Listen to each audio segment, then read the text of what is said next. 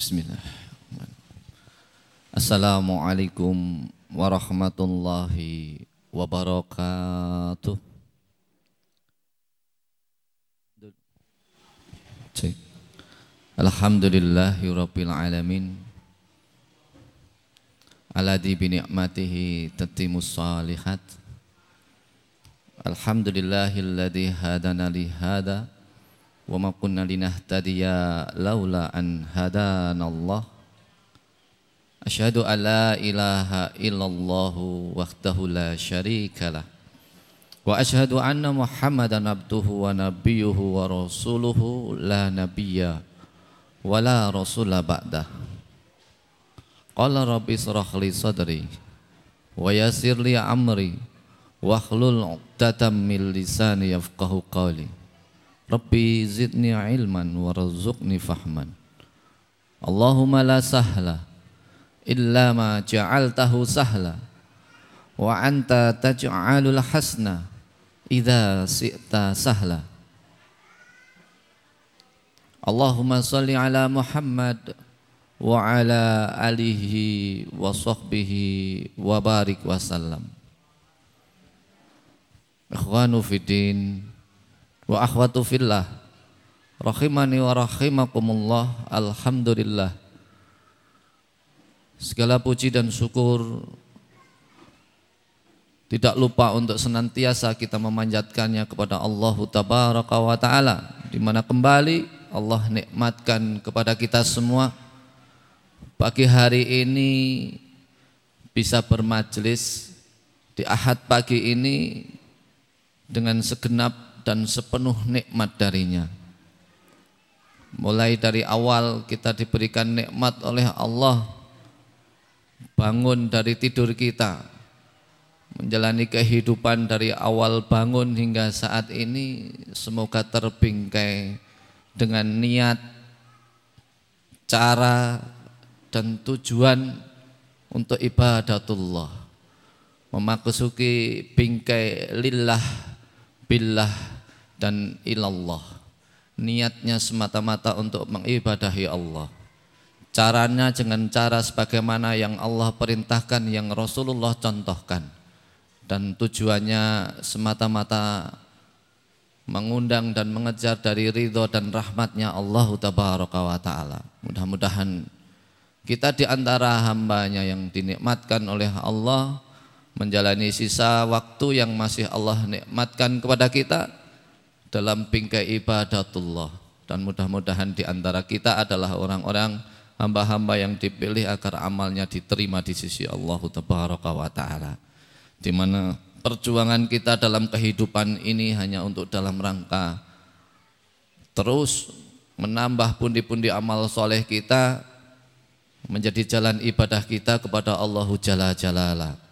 Dan mudah-mudahan kita di antara yang dimampukan dirizkikan bisa menghadirkan sepenuh ketaatan kepada Allah wa Rasulullah. Hidup adalah tujuannya untuk ibadah. Dan mudah-mudahan kita semua diistiqomahkan hingga akhir kita. Karena sebaik-baik manusia itu adalah yang baik pada akhirnya.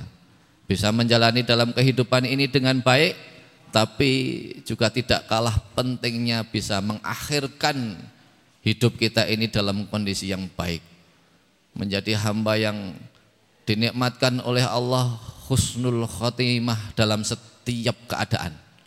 Husnul khotimah di setiap momentum. Bisa hadir dalam majlis itu bukti bahwa Allah nikmatkan kepada kita husnul khotimah pagi ini.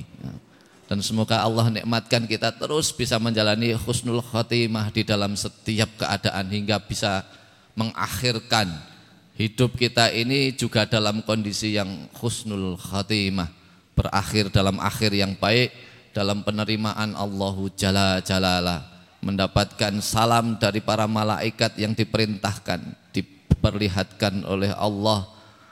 Slide-slide jannah yang Allah janjikan dan itu adalah keindahan awal yang mana sama-sama kita imani dan kita yakini bahwa ada kehidupan setelah kematian.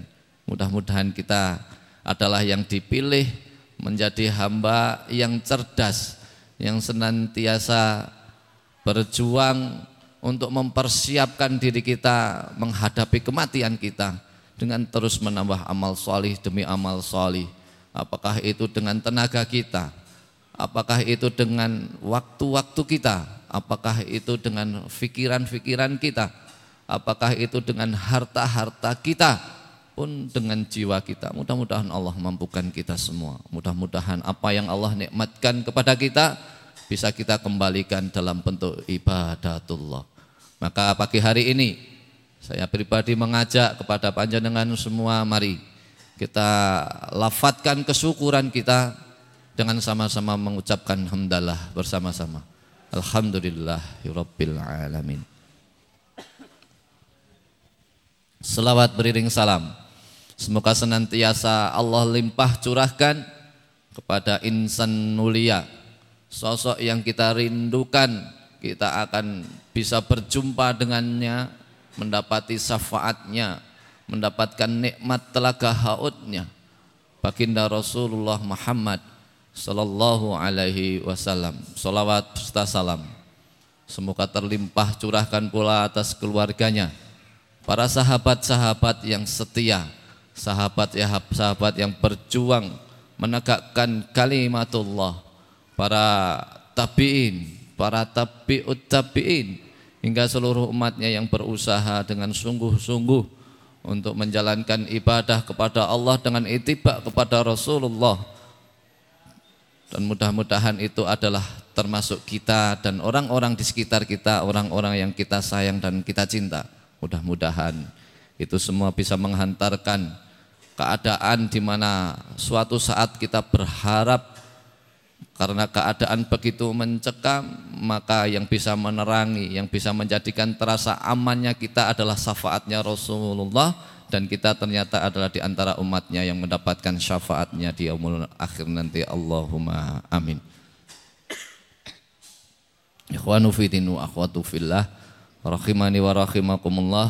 Alhamdulillah kembali berbahagia saya bisa bersama dengan panjenengan semua dalam majelis yang semoga di antara yang mengundang barokah Allah tempat ini di antara tempat yang dijadikan al-muzalan wal mubarakan tempat yang Allah berikan keberkahan dan mudah-mudahan ini di antara taman-taman surganya Allah yang ada di muka bumi ini dan saya juga panjenengan adalah hamba Allah yang dipilih memiliki sebuah tekad, memiliki sebuah azam yang kuat untuk senantiasa hadir di dalam majelis-majelis ilmu, hadir di taman-taman surga. Mudah-mudahan kita di antara yang akhirnya nanti benar-benar Allah masukkan ke dalam taman surga yang sesungguhnya. Di dalam doa-doa kita kita panjatkan dan semoga terrealisasi dalam amal nyata hingga Allah hadirkan apa yang menjadi pengkabulan dari doa-doa kita. Wabil khusus kaitannya dengan urusan nikmat yang agung berjumpa dengan Allahu Jalla Jalala. Mudah-mudahan kita semua adalah yang dinikmatkan oleh Allah suatu saat nanti ketemu dengan nikmat tertinggi yaitu dinikmati berjumpa dengan Rabbul Izzati Jalla Jalala insyaallah. Dan saya ucapkan sugeng rawuh selamat datang kembali di majelis ini di halaman Rumah Tafid Zabisa, Rumah Penghafal Al-Quran Zaid bin Sabit.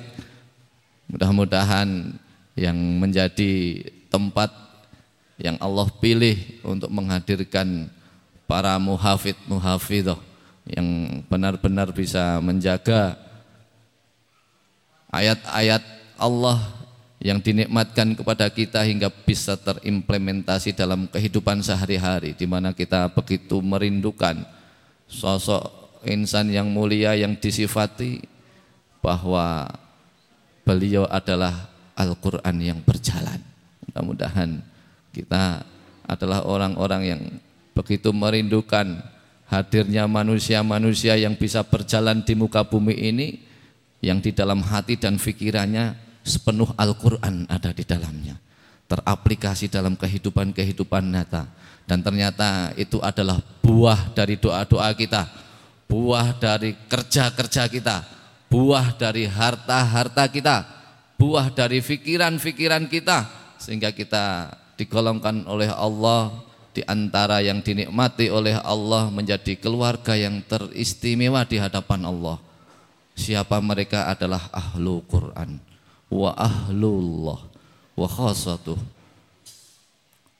Keluarga Allah yang teristimewa itu adalah para ahlu Quran. Dan kita ternyata adalah orang yang berjuang hari ini hingga akhir hayat kita memperjuangkan Al-Quran.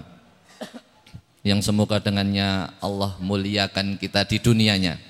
Yang mudah-mudahan Allah muliakan kita di dalam jannah-jannahnya. Allahumma amin. Ikhwanu fiddin wa akhwatu fillah. Rahimani wa rahimakumullah.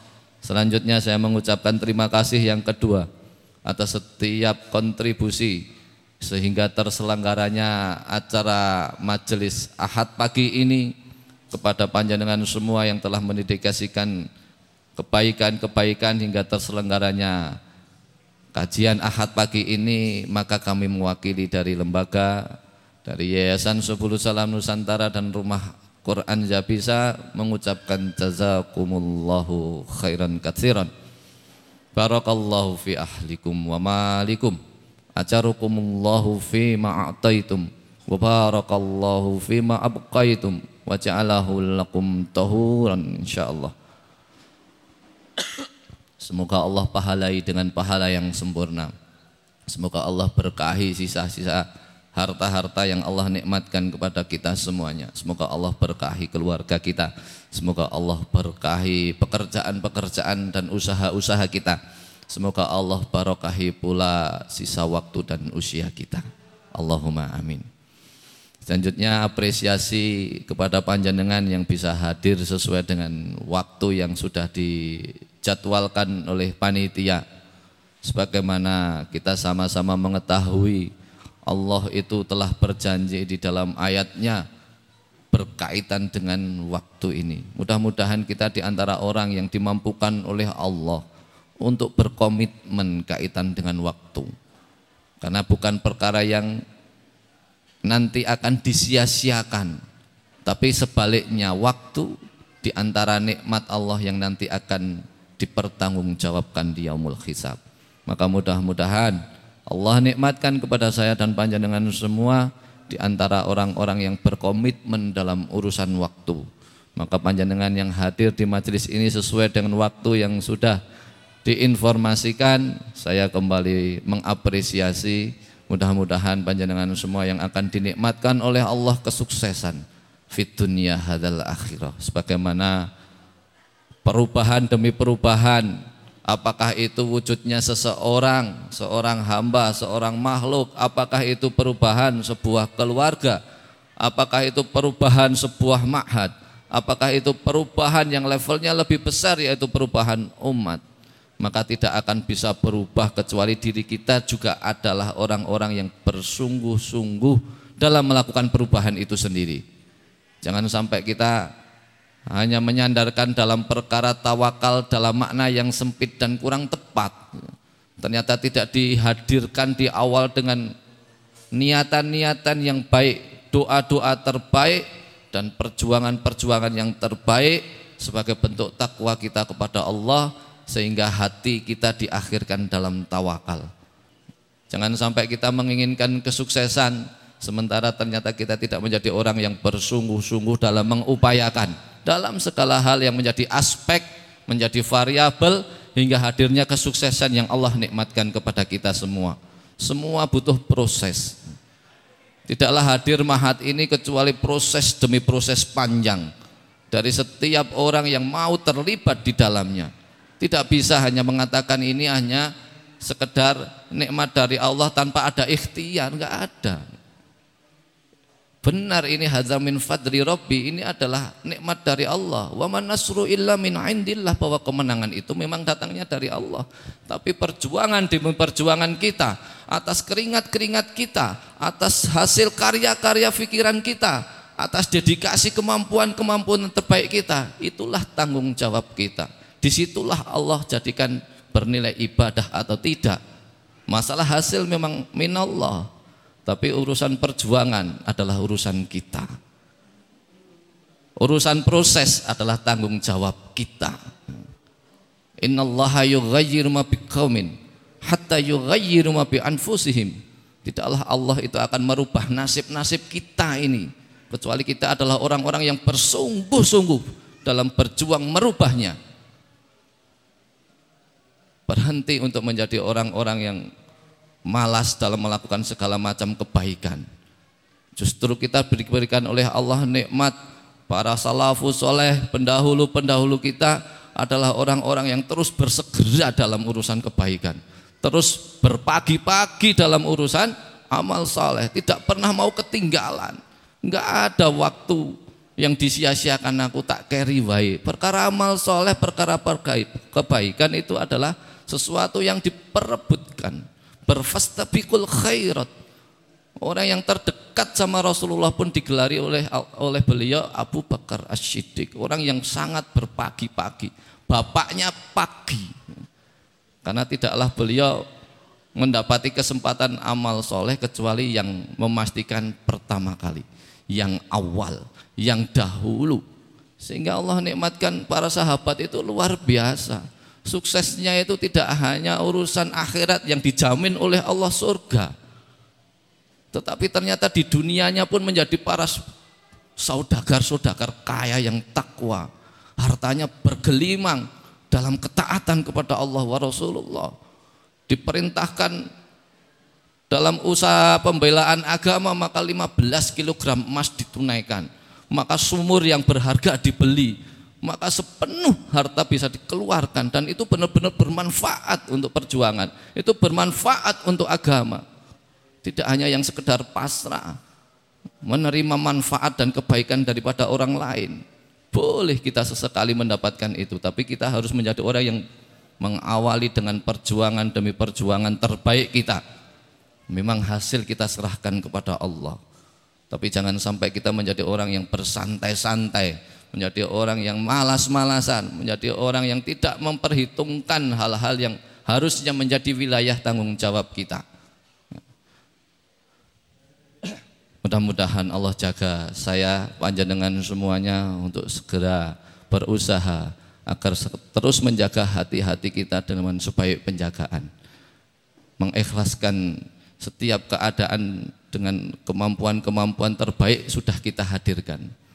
Mudah-mudahan di antara yang dijaga oleh Allah hatinya menjadi hati-hati yang baik, hati-hati yang terbaik itu adalah kita di mana Allah Ta'ala menyampaikan lewat Rasulnya lewat hadis yang sahih mutafakun alaih rawahul Bukhari wa Muslim bahwa manusia itu tergantung kepada segumpal darah yang bernama hati. Dia akan dikatakan baik seluruh jasadnya manakala hati yang segumpal ini baik. Ala wa inna fil jasadim mudghah. Idza solahat solahal jasadu kullu wa idza fasadat fasadal jasadu kullu orang yang baik hatinya itu akan dianggap baik seluruh jasadnya tetapi orang yang buruk hatinya maka dikatakan oleh Rasulullah akan buruk pula seluruh jasadnya dan itu adalah hati kita. Semoga majelis ini di antara yang nanti menjadi wasilah dari Allah agar kita dipandaikan dalam menjaga hati kita. Menjaga hati kita dalam rangka juga menjaga hati orang lain. Berusaha untuk sebaik-baiknya dalam perkara muamalah. Perkara yang sebaik-baiknya dalam upaya bagaimana bisa membahagiakan orang-orang di sekitarnya. Agar hati-hati di orang-orang di sekitar kita itu bahagia karena sikap kita. Bahagia karena perjuangan kita. Bahagia karena kebermanfaatan kita maka di awal di antaranya bagaimana kita berkomitmen. Salah satunya adalah perkara waktu. Mudah-mudahan Allah Ta'ala menjadikan kita yang bersungguh-sungguh dalam menjaga kebaikan-kebaikan hati kita dan hati-hati orang di sekitar kita. Jagalah hati orang di sekitar kita. Kalau kita melakukan tindakan seperti ini itu dikhawatirkan si fulan itu sakit hatinya, jangan pernah lakukan. Kalau diundang pagi itu ya datangnya pagi. Itu, itu berarti berasa berusaha untuk menjaga hati orang lain dalam rangka untuk menjaga hati kita. Menjadi orang yang bersungguh-sungguh dalam segala hal. Waladina jahadu fina lanahdianahum subulana. Orang yang bersungguh-sungguhlah yang nanti akan Allah anugerahkan subulana jalan-jalan Allah. Nikmat Allah itu akan diperlihatkan kepada mata-mata yang dipilih oleh Allah di mana kesungguhan hadir dalam setiap aspek kehidupannya. Jangan sampai kita menjadi orang yang tidak masuk kategori yang bersungguh-sungguh sehingga jalan Allah gelap untuk kita.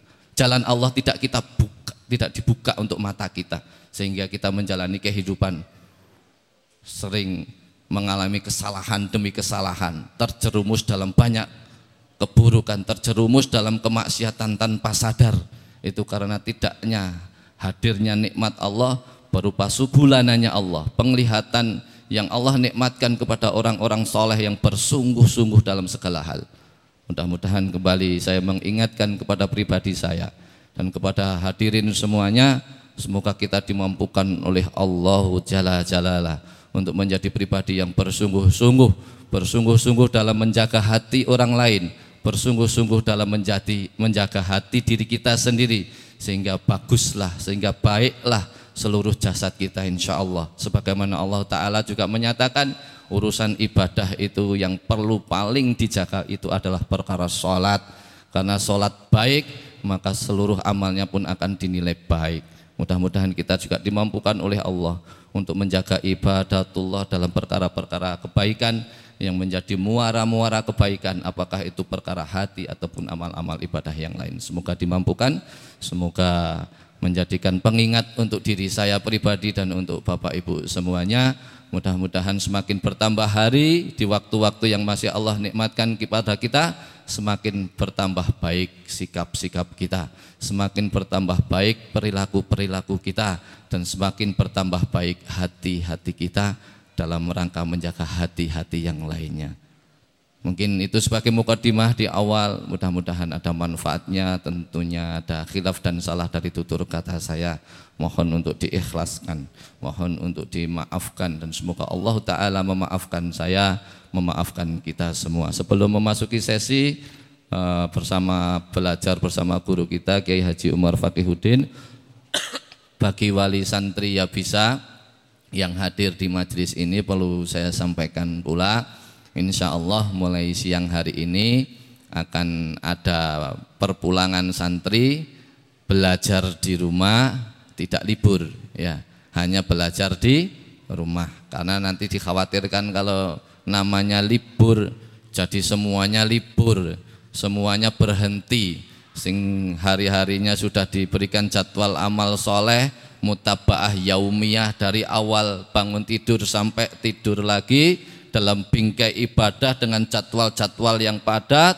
Khawatirnya nanti kalau dikatakan libur berarti di rumah sudah tidak lagi berkewajiban menjalankan. Padahal di sini ini hanya tahap belajar untuk diaplikasikan di dalam kehidupan nyata. Apakah itu di rumah apakah itu di sini apakah itu di dalam masyarakat. Maka harusnya menjadi sebuah amal yang benar-benar didawamkan, diistiqomahkan. Tidak ada istilah ibadah kok libur gitu ya. Maka mudah-mudahan bagi wali santri yang hadir di majelis ini 10 hari ke depan bagi yang putra dan 14 hari ke depan bagi yang putri bisa membersamai putra-putri tercinta kita. Putra-putri kami dan putra-putri panjenengan selama di rumah didampingi belajarnya di rumah. Lembar mutabaah yaumiyahnya insya Allah sudah ada di dalam surat-surat yang nanti akan diberikan kepada setiap wali santri.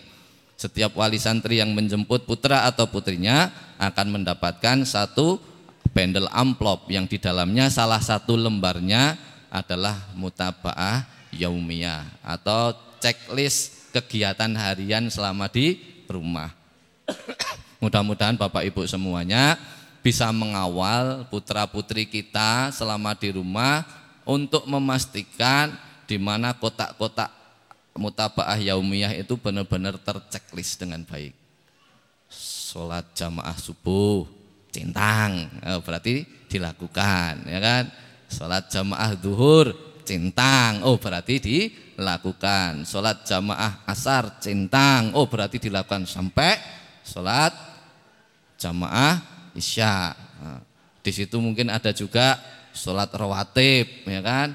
Nah, setiap jadwal sholat rawatib ternyata dengan mengawal agar putra atau putri kita melakukan. Mas, ini sudah jam setengah dua belas. Waktunya datang ke masjid agar bisa sholat rawatib. Ada empat rakaat masalahnya sebelum sholat duhur itu. Maka jangan sampai datang terlambat. Apalagi kok sampai enggak melakukan jamaah. Wong nek bisa masbuk saja jangan supaya bisa dapat rawatibnya, dapat empat rakaat sebelum duhur, dapat empat rakaat setelah duhur. Masya Allah, centang, centang. Nah begitu ya. Nah, harus sabar seperti itu ketika kita membersamai putra dan putri kita. Enggak bisa, wah pancen angel kalau di rumah itu kan enggak bisa kayak gitu. Angel itu kalau sudah diupayakan, digandeng, dielus-elus, dinasehati, jangan sampai sekedar mas waktunya luhur orang mangkat nanti alasan sama ustadznya susah kan di rumah itu. Nah padahal masih banyak cara yang bisa kita upayakan. Apalagi orang tua itu memiliki otoritas penuh. Enggak sholat jamaah, enggak ada TV menyala, enggak ada sholat jamaah, enggak ada HP boleh dipegang, enggak ada TV menyala, kecuali semua sudah tertunaikan yang wajib-wajib itu.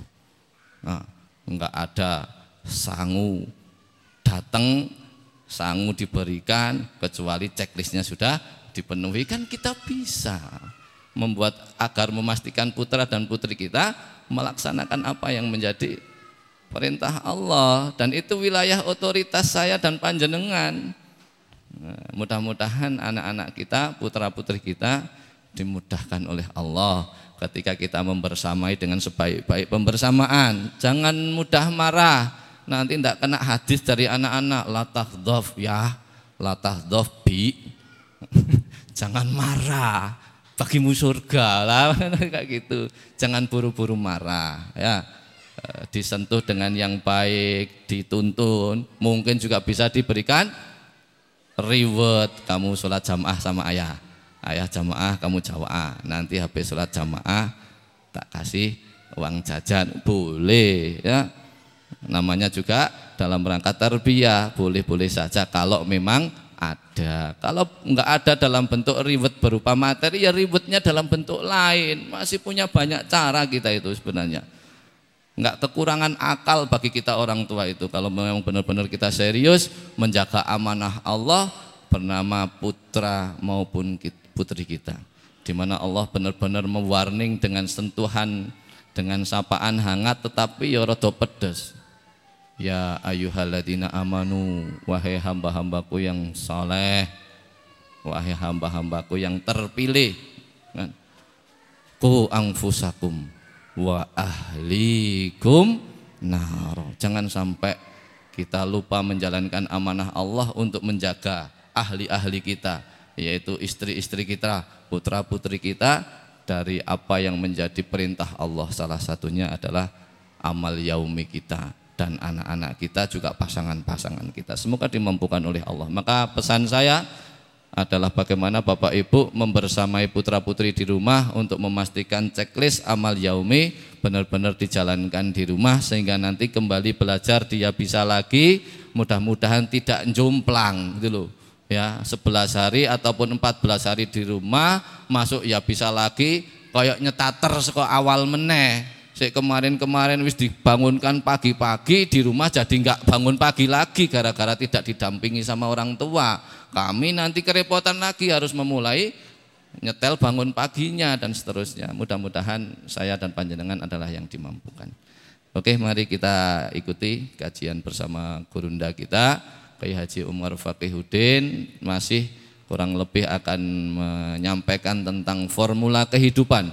Formula kehidupan itu dengan nama formula 12 plus di mana itu mencakup formula-formula yang akan menghantarkan kepada kita dalam derajat yang tinggi di sisi Allah di dalam dunianya hingga di akhiratnya insya Allah. Karena di dalamnya adalah amalan-amal yaumi yang mudah-mudahan bisa kita istiqomahkan dalam sehari-hari kita. Maka kita bersama-sama akan sama-sama mendengarkan apa yang menjadi mau idoh hasanah dari gurunda kita kaitan dengan formula 12 plus kepada beliau dipersilahkan untuk hadir di atas panggung membersamai kita semua kepada Kiai Haji Umar Faqihuddin Falia Tafadhal Maskuran.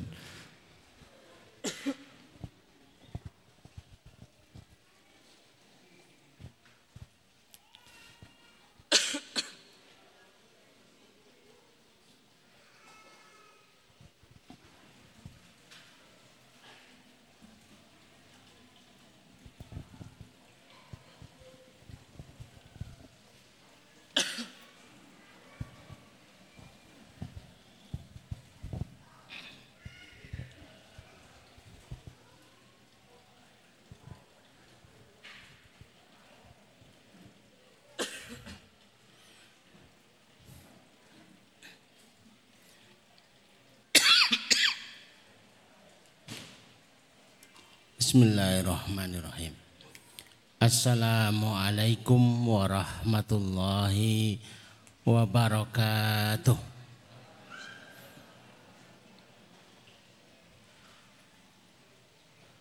Innal hamdalillah nahmaduhu wa nasta'inuhu wa nastaghfiruh wa nastahdihi wa na'udzu billahi min syururi anfusina ومن سيئات أعمالنا من يهده الله فلا مضل له ومن يضلل فلا هادي له نشهد أن لا إله إلا الله ونشهد أن محمدا عبده ونبيه ورسوله لا نبي ولا رسول بعده. اللهم اشرح صدورنا. Wa tazawwas an sayyiatina wahab lana fahmal anbiya wal mursalin. Wahab lana fahmas salafus salih. Allahumma anfa'na bima tanah wa alimna ma yanfa'una wa zidna ilman. Wa na'udzu billahi min ahwali ahli nar. Allahumma la sahla illa ma ja'altahu sahla wa anta taz'alul hazna idza syi'ta sahla. Rabbi syrah li sadri wa yassir li amri wa hlul 'uqdatam min lisani yafqahu qawli rabbi zidna ilma. Bapak, Ibu dan jemaah sekalian yang semoga dirahmati Allah Semoga dicintai oleh Allah Subhanahu wa taala. Harapannya semakin kita datang di majelis ilmu semakin kita faham apa yang diinginkan Allah pada kita. Baik dari segi ucapan, baik dari segi sikap maupun dari segi perbuatan. Dan pagi ini kita akan belajar sunnah yang nampaknya itu sepele, tidak begitu tenar. Bahkan gambarnya pun tidak mewakili. Ini hanya gambarnya desainernya saja. Karena kita akan bahas tentang siwak. Saya mulai biasanya di mukodimah Formula 12 itu menceritakan ada sebuah benteng milik milik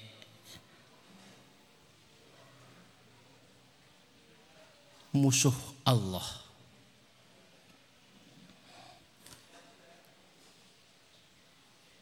Itu dua bulan dikepung, itu tidak tidak bisa ditaklukkan Yang ngepung itu para sahabat. Bukan sembarang orang. Biasanya sudah takhluk. Dan menjadi kebiasaan para sahabat kalau menaklukkan sebuah tempat kalau belum takhluk. Mereka akan bermusyawarah dan mencari sebab kenapa kok tertunda penaklukan. Ternyata panglimanya mengatakan pasukan kita itu banyak yang meninggalkan sunnah. Maka Bapak Ibu yang dirahmati Allah, ada baiknya ketika kita itu bermuhasabah kok ada keterlambatan. Utang kok lunas-lunas. Harusnya itu kemenangan itu kalau yang ditunggu itu adalah hutang ini cepat lunas. Doa kok nggak segera mustajab. Ini kenapa?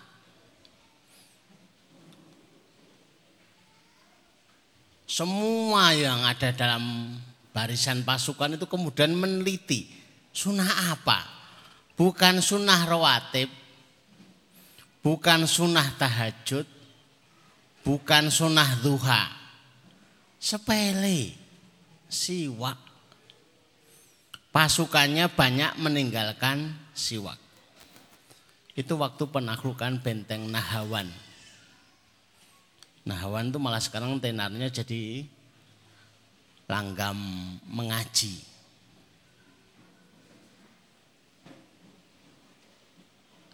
Setelah diteliti benar Ternyata pasukan ini banyak meninggalkan siwak. Jangan-jangan kita tersindir gitu loh ya. Ndungo kok enggak mustajab, mustajab itu kenapa? Boleh jadi ya karena siwak itu. Maka perkara yang sepele tapi itu dalam hadis Rasulullah sampai disebutnya bahasanya itu seakan-akan itu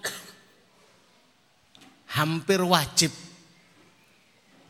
Laula an ala ummati la amartuhum bisiwake inda kulli salatin. Kalau itu bukan sesuatu yang jenisnya itu masakoh. Niscaya siwak itu aku wajibkan setiap akan sholat. Dalam riwayat setiap akan wudhu. Setiap akan sholat itu juga berat.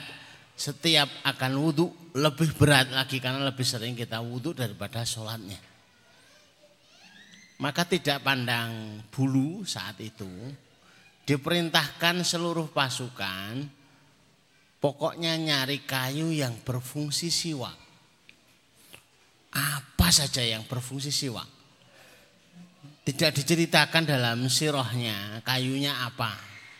Apa itu jati, apa mauni, apa brotowali nggak tahu saya pokoknya ditebang yang bisa berfungsi siwak. Tujuannya itu untuk mengamalkan sunnah.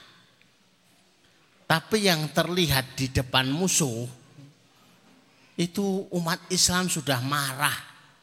Saking marahnya bukan hanya pedang yang diasah, gigi yang diasah. Namanya siwak kan ya pakai Ya kayu kan ya biasa. Ini umat Islam marah. Ini siap mau mengunyah-ngunyah. Akhirnya musuh itu gentar.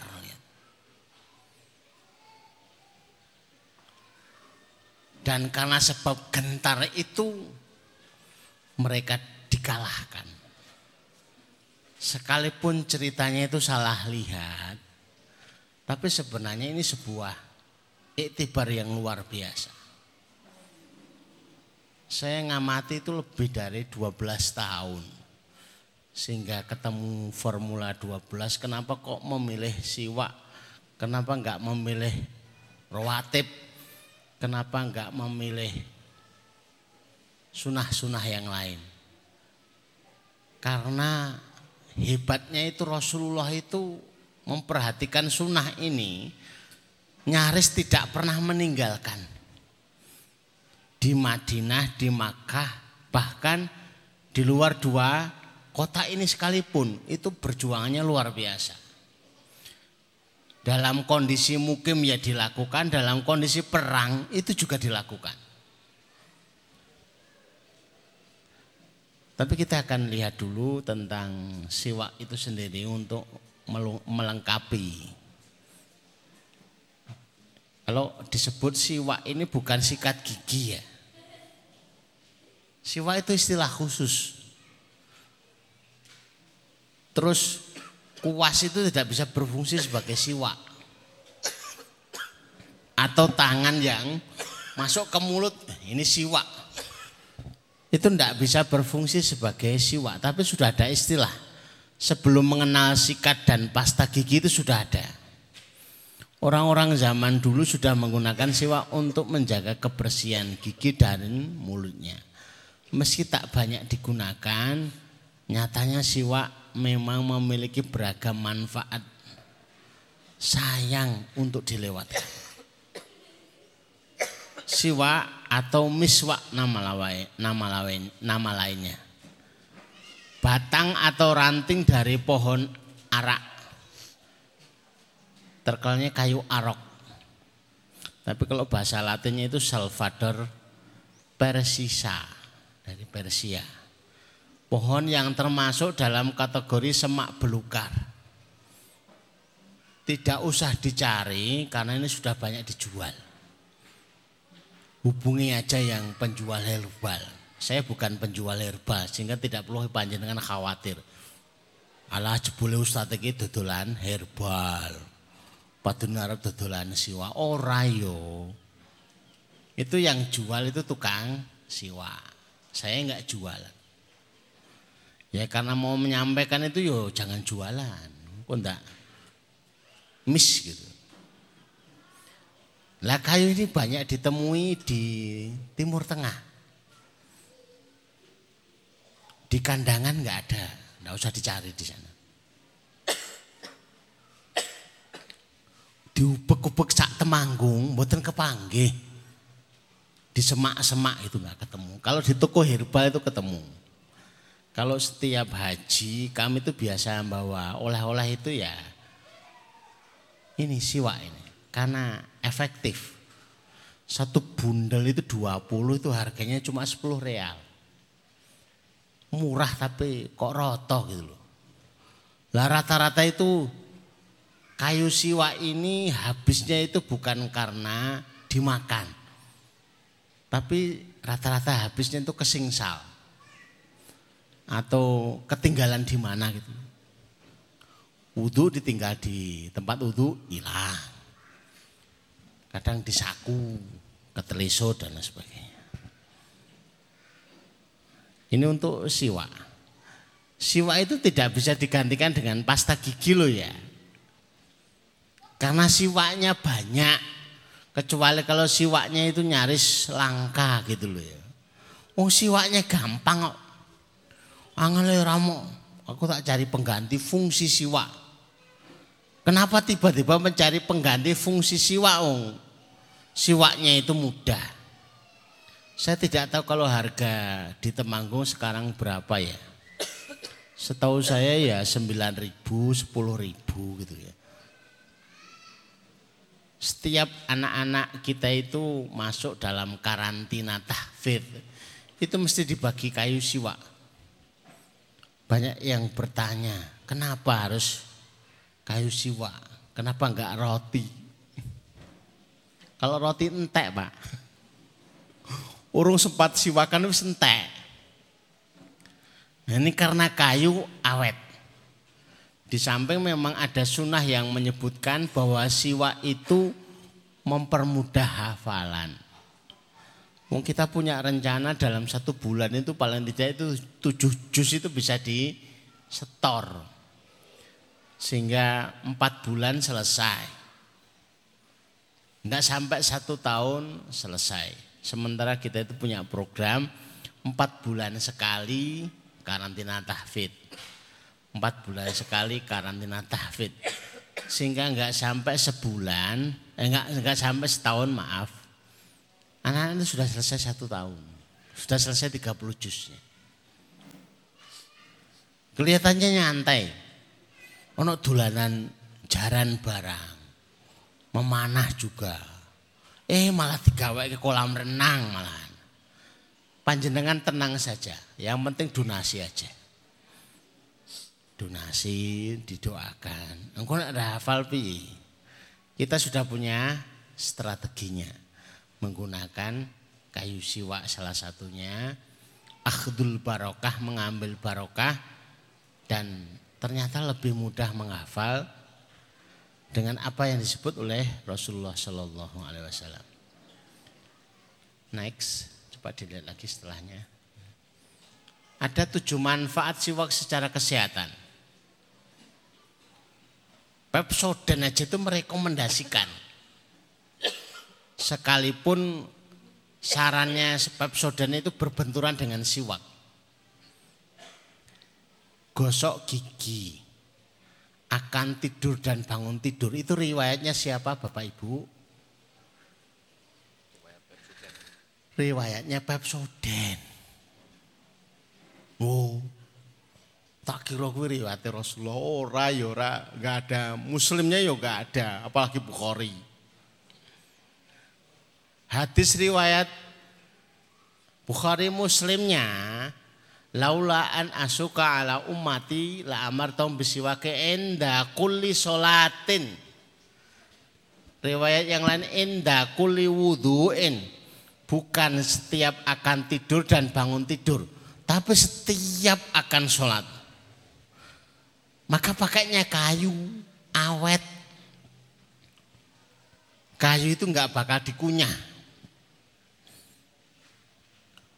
Jadi pakai siwak itu setahun itu nggak habis. Habisnya itu karena kesingsal. Kalau enggak ya habisnya karena ketinggalan gitu aja. Kalau digantikan dengan kayu jati, walaupun itu lebih kuat. Saya sudah pakai kayu apa itu? Akasia. Ternyata hasilnya jangan coba-coba Pak, pahit. Enggak sampai dua hari itu pahit. Makanya dipilih kayu arok itu karena dipakai setahun juga pahit, Bahkan ada zat yang keluar yang membunuh bakteri di mulut. Luar biasa. Ini yang saya sebutkan tujuh. Kenapa hanya tujuh? Ya untuk mempersingkat acara. Kalau ditulis dicari di buku itu tujuh puluh sebenarnya. Tujuh puluh disebut tujuh satu membunuh bakteri yang menyebabkan penyakit gusi atau radang gusi. Kalau sakit, sakit gigi itu obatnya siwak. Ini sudah kami rekomendasikan ke banyak orang. Sakit gigi, bengkak, gusi itu sudah pakai siwak aja itu. Mencegah munculnya plak gigi. Kalau masih pakai sikat gigi itu masih ada item-itemnya di gigi itu ya. Tapi kalau pakai siwak itu karena kayu sekaligus membersihkan. Plak hitam-hitam itu bersih, giginya bersih. Menjaga warna putih gigi alaminya tidak gampang pudar. Tidak perlu dicat lagi. Sekali pakai siwak awet. mengurangi resiko gigi berlubang sehingga tidak perlu semen untuk nempel. Menghilangkan bau mulut dan tak sedap. Bau mulut itu karena sebab bakteri. Lah siwak itu itu membunuh bakteri. Membuat aroma nafas jadi wangi alami. Oh, sudah disiapkan dari dulu. Sunahnya dapat, manfaat kesehatannya dapat. Ini kan luar biasa. Ini yang tidak saya sebutkan itu membuat doa itu lebih mustajab. Panjenengan jarang siwak. Siwaan kok jarang, doanya kok kurang mustajab. Itu wajar. Tapi setiap akan berdoa siwakan, setiap akan berdoa siwakan. Itu lebih mustajab karena itu sudah satu. Mulutnya bersih, dua dia menggunakan sunnah Rasulullah Shallallahu Alaihi Wasallam. Sekaligus bekerja sebagai apa itu istilahnya itu dental floss benang gigi karena serabut kayunya ikut membersihkan sela-sela gigi meningkatkan produksi air liur dan mencegah mulut kering. Saya tinggal ngeliat di Google aja daripada panjenengan lihat sendiri, maka kami tuliskan di layar. Nanti kalau mau dicek lagi juga tidak apa-apa, silahkan. Tapi untuk memudahkan kita, ternyata manfaatnya itu luar biasa sehingga Pepsodent sekalipun itu ikut merekomendasikan tapi kalau menurut sunnah itu tidak ada ditemukan, sulit ya. Menurut sunnah itu sulit. Pakai pasta gigi itu tidak sunnah. Jadi kalau mengatakan saya tak gosok gigi pakai pasta gigi, ini untuk sunnah enggak, itu untuk kebersihan iya. Tapi kalau pakai siwak sengaja ataupun tidak sengaja. Itu sudah dapat satu sunnah. Enggak mungkin seseorang itu memakai kayu siwa kecuali untuk mengikuti sunnah. Sebelum tidur, bangun tidur, ketika akan sholat, ketika membaca Quran. Ini malah penggunaannya lebih sering. Nih. Yang kedua itu lebih diridhoi oleh Allah. Karena diperintahkan. Semakin bersiwak semakin diridhoi oleh Allah Subhanahu wa taala. Mudah membaca Al-Qur'an ini sudah teruji. Nah, santri-santri santriwati kami itu yang mengujinya setiap karantina tahfidz itu dikasih bekal Kayu siwa ternyata itu lebih cepat menghafal. Bukan kayunya yang menjadikan lebih cepat menghafal. Tapi karena akhdul barokah, karena ada barokahnya itu tadi. Kalau karena kayunya, ini kayaknya lebih empuk kalau kayu randu. Ini kayaknya lebih keras kalau kayu jati. Tapi akhdul barokahnya nggak dapat. barokahnya nggak dapat membaca Al-Quran juga lebih betah. Lebih mudah, lebih betah. Apalagi ada gerakan one day five juice. Itu kalau ndak terlatih itu ngeri itu. Alah mau sak jus wes kelengropone kok limang jus. Coba diawali dengan diasah pakai kayu siwak nanti kan akan lebih ringan. Belum ada ramuan yang bisa meringankan tilawah itu belum ada. Yang sudah ketemu dalam hadis itu ya siwa itu.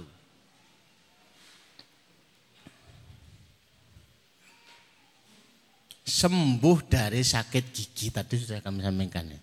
Jadi kalau Bapak Ibu itu ada keluhan sakit gigi ya obatnya itu siwak. Dan yang paling pokok karena ada sunnahnya. Itu asbab menjadi sebab kemenangan dari Allah Azza wa Jalla. Ya anaknya kok saya pinter. Kerja kok saya lancar. Doa kok lebih mustajab. Ini kenapa? Karena itu ada sunnah yang sedang dikerjakan yaitu siwak. Ini hadisnya hadis riwayat Bukhari dan Muslim dari jalur Abu Hurairah. Laula an asukka ala ummati la amartuhum bil wudhu inda kulli salatin. Bisiwaki bil fil wudhu inda kulli salatin. Lengkapnya begitu. Seandainya tidak takut akan memberatkan umatku. Seandainya itu tidak akan menjadi sesuatu yang disebut masyakoh. Masyakoh itu memberatkan. Berarti ini sudah mendekati mendekati wajib. Wajib sih enggak, tapi mendekati. Statusnya itu sudah status luar biasa. Akan diperintahkan untuk bersiwak setiap akan wudhu. Setiap akan sholat. Ini luar biasanya. Maka perintah siwak itu luar biasa. Next, coba selanjutnya karena ini tadi sudah saya ceritakan sehingga tidak perlu kami ulang. Selanjutnya aja. Ini cara membuat siwak biar mendekati sikat gigi karena kita sudah terbiasa dengan sikat gigi. Jadi kalau bentuknya itu kayu biasa, itu enggak nyaman di gigi. Maka harus dibuat serabut-serabut kayak begitu itu.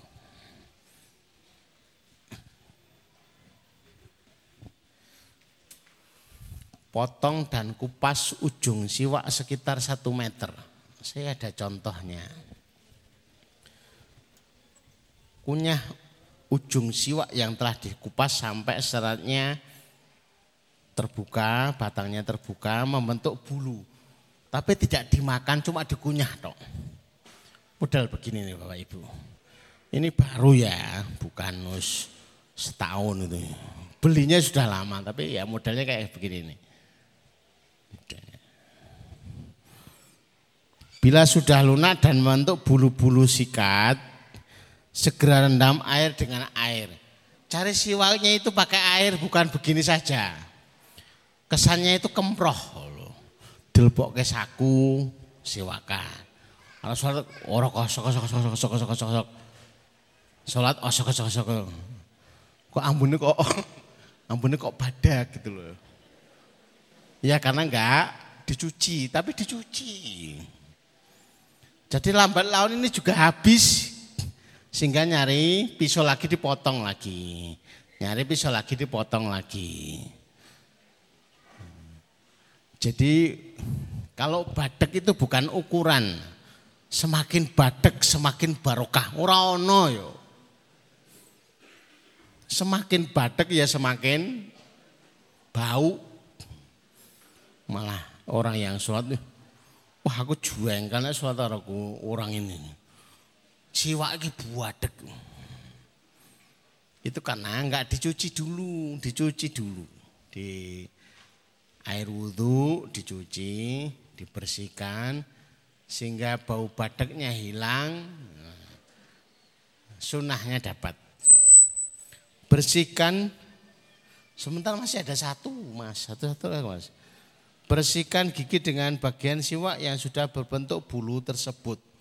Jadi yang digunakan untuk menggosok gigi itu yang sudah jadi serabut itu ya, sudah kayak kuas gitu ya. Sudah dibuat seperti itu panjenengan masih ngeyel pakai bagian yang kasar itu yang rusak giginya. Buat gosok gigi siwak itu bunyi kelotak, kelotak, kelotak, kelotak gitu loh. Lewong sudah dihaluskan kok pakai yang kasar. Apalagi kalau kayunya itu kayu jati, wah jangan dicoba.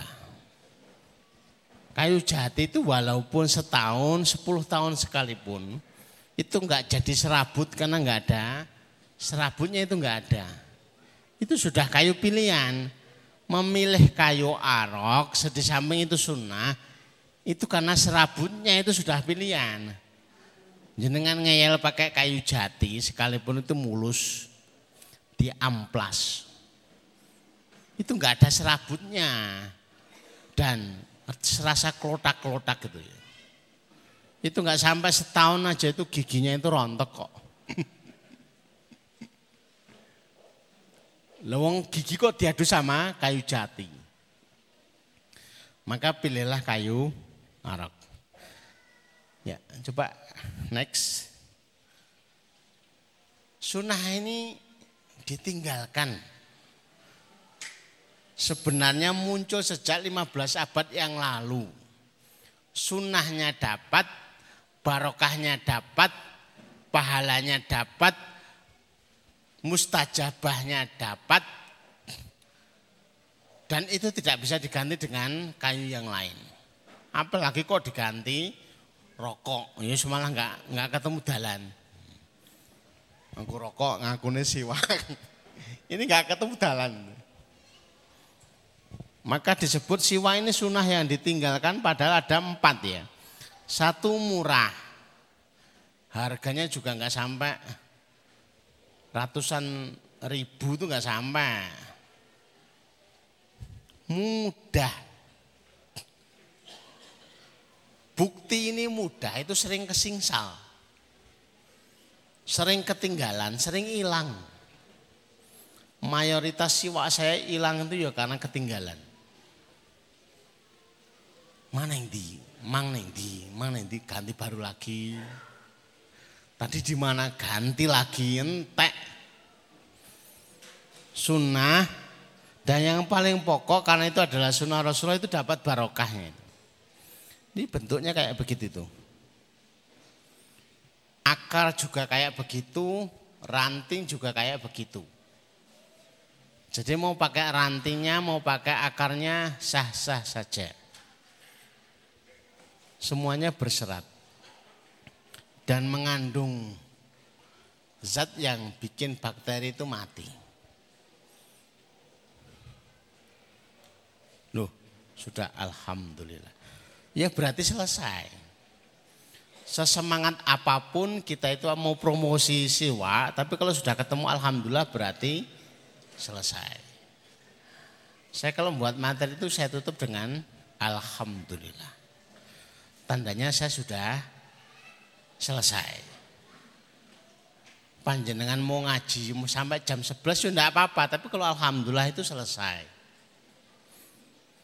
Awalnya ya saya ketemu caranya gimana ya menghentikan pengajian itu. Ada tukang pijit saya itu pakai tukang pijit saraf itu ya. Itu kalau pijit itu pakai subhanallah, loro banget. Alhamdulillah. Itu selesai. Paling loro kalau mengucap Allahu Akbar, uh kayak diiris-iris itu. Tapi kalau mengucapkan Alhamdulillah, itu langsung tak tarik. Kaki yo tak tarik, tangan yo tak tarik. Tukang bijinya tanya, lo ditarik apa Ustaz? Nah rampung. Alhamdulillah rampung. Nah rampung ya aku ngalih tak tinggal pergi. Alhamdulillah itu rampung. Sudah selesai. Jadi Bapak Ibu yang dirahmati Allah, mudah-mudahan sudah cukup informasinya. Sebagus apa pun informasi tentang siwa, panjenengan tidak praktek, itu hilang manfaatnya.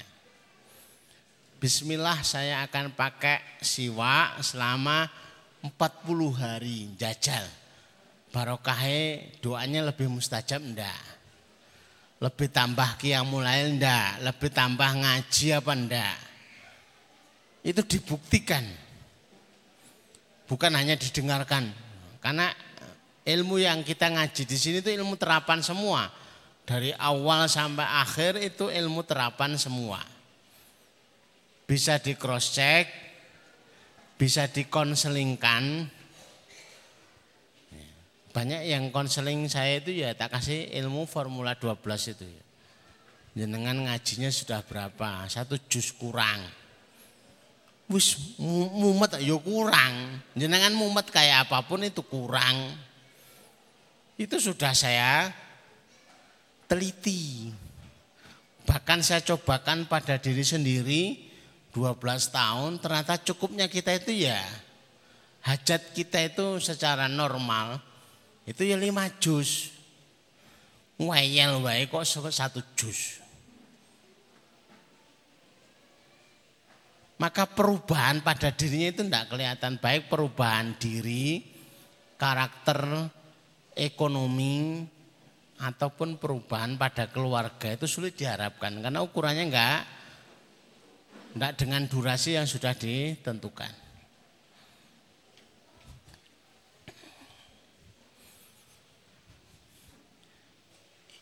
Ini ada door apa enggak? Ini salah satu yang membuat panjenengan awet tetap istiqomah. Itu ya door prize. Ada ngomong jane ora tapi iyo.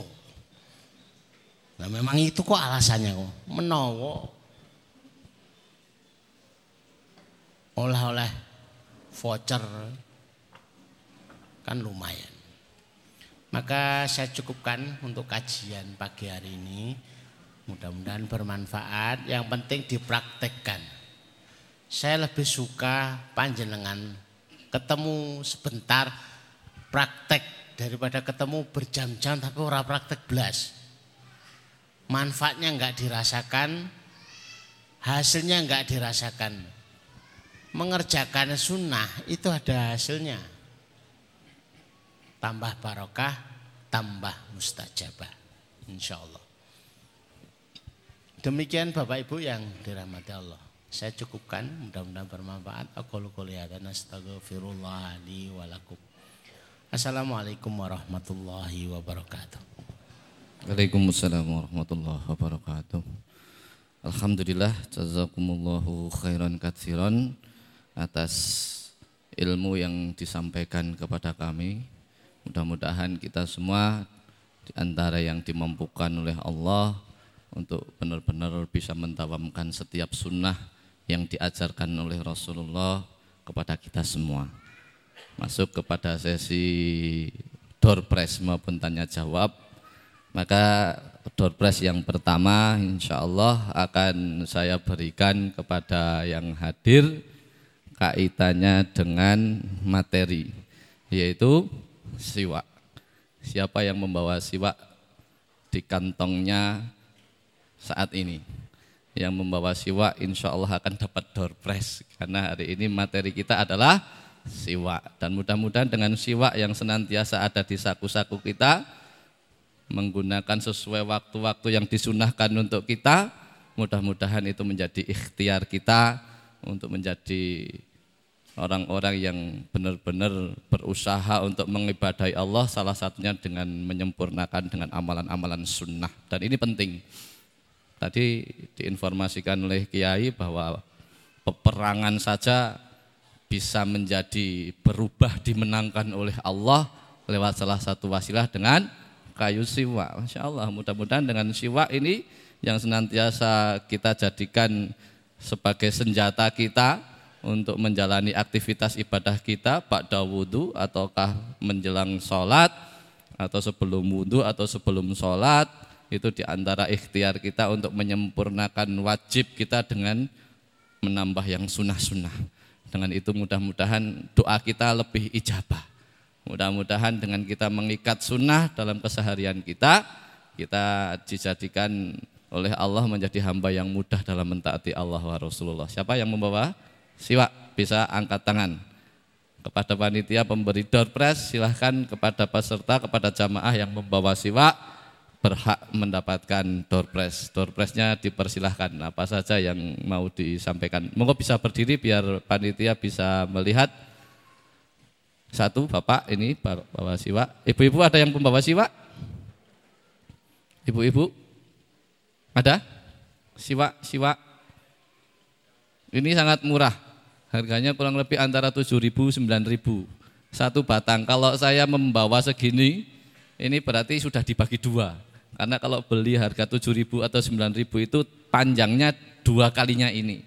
Sehingga ketika dipotong jadi dua bisa menjadi lebih romantis karena yang setengahnya dikasihkan pasangan kita. Nah, dik iki separuh, aku separuh. Nah, bisa ya untuk bersiwa insya Allah. Mudah-mudahan tambah barokah. Ayo Mbak, yang tadi sudah berdiri silahkan diberikan door prize-nya yang membawa siwak dan ini termasuk di antara Formula 12 Plus salah satu poinnya adalah bersiwak. Maka mudah-mudahan bisa diistiqomahkan yang hari ini belum biasa dengan bersiwak bahkan belum pernah bersiwak mulai waktu-waktu ke depan bisa mengupayakan ya kan insya Allah mudah didapat sebagaimana yang tadi diinformasikan Ustadz Kami tidak menjual, tapi bisa merekomendasikan untuk membeli di tempat-tempat yang bisa menjadi tempat rujukan untuk membeli siwa. Biasanya di toko-toko herbal itu ada siwa. Insya Allah kalau panjenengan datang ke kantin kami, insya Allah kalau pas tersedia juga ada di kantin. Di kantin itu ada habatus sauda, ada madu, ada siwa salah satunya, VCO dan seterusnya untuk yang urusan dengan e, kesehatan. Maka insya Allah di kantin kalau pas stoknya masih ada, maka ada stok siwa yang dipersiapkan untuk santri-santri manakala ingin menggunakan siwak sebagai sunnah harian. Ada lagi yang membawa siwak? Enggak ada? Yang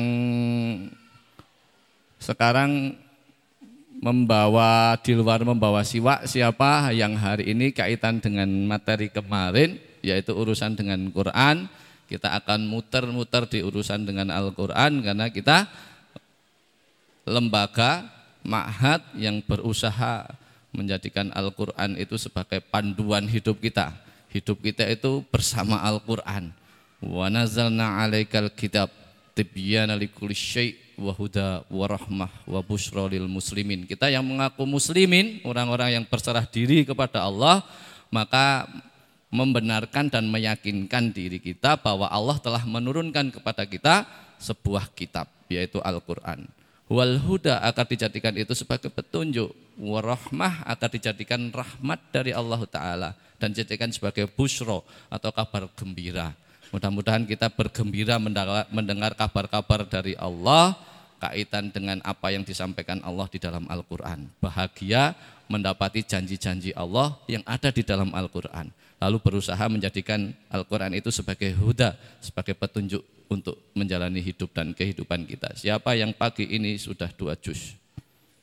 Nah, itu ada yang sudah angkat tangan. Yuk, yang dua juz boleh berdiri. Mbak, silahkan panitia, silahkan diberikan kepada teman-teman, sahabat-sahabat, keluarga kita yang ada di majelis ini yang telah ikra'ul Quran, yang telah membaca Quran dua juz sampai pagi ini Mudah-mudahan dimampukan sampai nanti malam sebelum tidur bisa selesai minimal 5 juz. Allahumma amin. Karena itu bukan perkara yang mudah untuk didawamkan, bisa 5 juz setiap hari.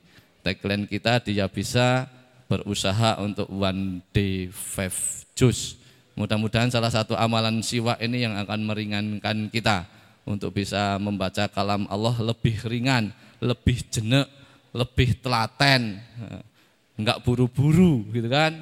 Karena ternyata tidak mudah. Baca Quran itu gangguannya banyak. Orang ngantuk ya diceluk.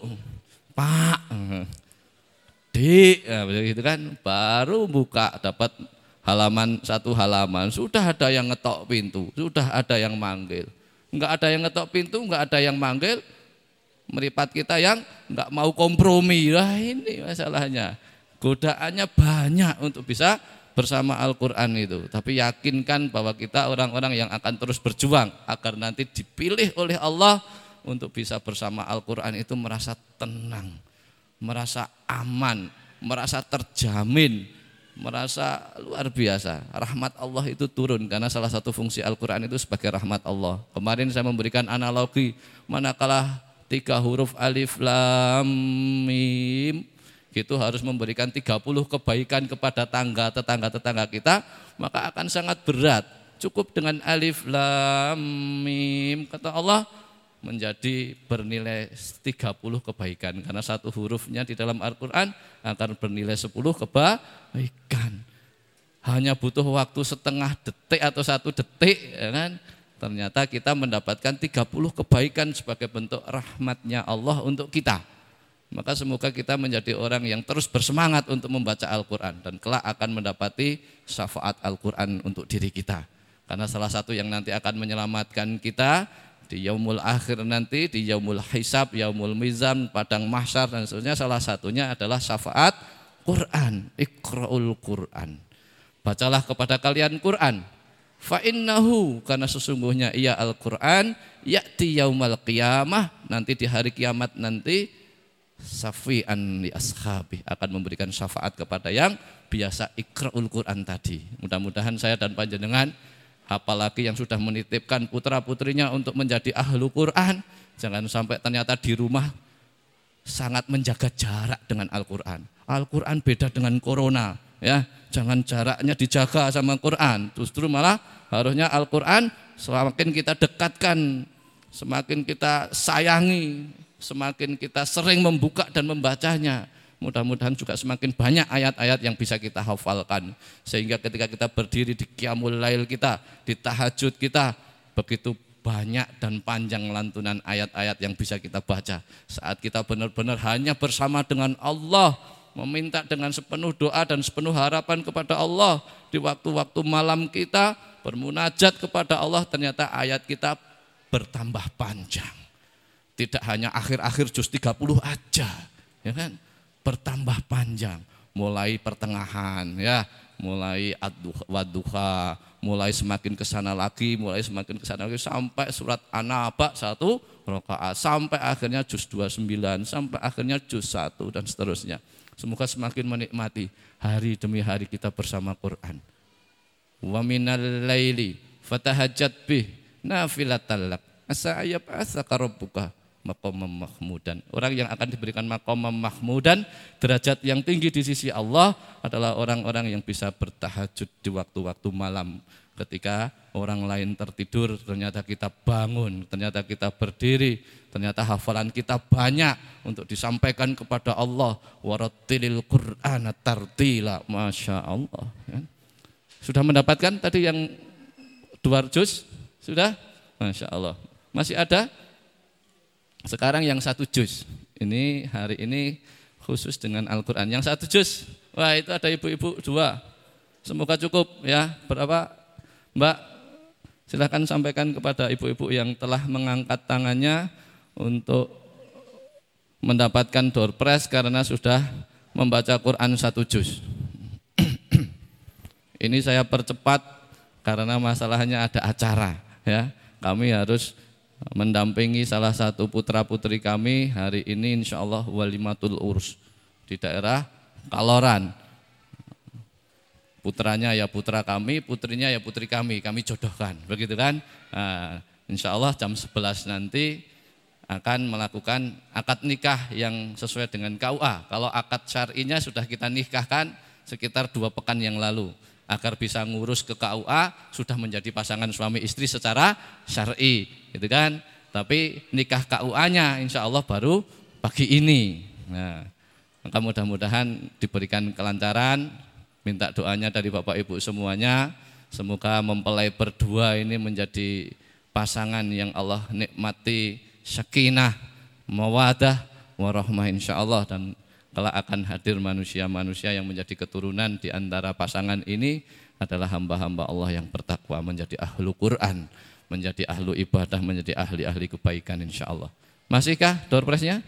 Habis. Habis mbak? Alhamdulillah. Sudah habis. Memang sengaja segera harus dihabiskan. Insya Allah monggo silahkan Bapak Ibu yang ingin memberikan door prize di setiap kajian ahad pagi bisa menghubungi kami atau menghubungi siapa yang ibu kenal untuk memberikan door prize-nya. Saya mau memberikan door prize, tapi kok door prize-nya bukan barang baru Ustaz. Enggak apa-apa. Ini hanya bekas Ustaz, barang bekas. Apa itu Bu? Ini ada Suzuki Baleno. Oh, enggak apa-apa, itu buat door prize lumayan ya. Bapak-bapak mau mendapatkan door prize barang bekas Suzuki Baleno. Insya Allah siapa pun yang akan memberikan door prize, apakah itu kulkas, apakah itu rice cooker, apakah itu magicom, apakah itu emas apa namanya EOA, apakah itu baju, apakah itu musaf Quran, apa pun bentuknya yang kiranya bisa menjadi wasilah kita untuk berbagi dengan orang-orang di sekitar kita sebagai bentuk bahwa kita adalah orang yang bermental ingin berbagi dan memberi manfaat untuk orang lain. Mudah-mudahan dengan itu Allah curahkan, Allah limpahkan kebaikan-kebaikannya untuk kita semua. Allah cukupkan kebutuhan-kebutuhan kita. Allah penuhi apa yang menjadi hajat-hajat kita. Allah kabulkan apa yang menjadi doa-doa kita insya Allah. Mudah-mudahan kita semua yang senantiasa dirahmati Allah kebutuhan kita Allah cukupi, doa-doa kita Allah kabulkan. Karena kaitannya dengan siwak, materi pagi ini insya Allah nggak banyak pertanyaan gitu ya. Siwak nggak usah banyak ditanya, tinggal dipraktekkan saja. Beli siwaknya, dipotong ataukah boleh yang panjang, tinggal dipakai setiap hari di waktu-waktu yang sudah ditentukan ataupun di luar waktu pun boleh. Hanya waktu mau sholat aja Ustaz. Kalau misalnya pas sama saya jalan pengen tak korek-korek gitu boleh apa enggak? Boleh. Asal jangan ngambil siwaknya orang lain. Sakunya teman kok digogos siwaknya jangan ya. Nah, khawatirnya nanti di yang disampaikan Ustadz Jebule urung dicuci, ah repot gitu kan.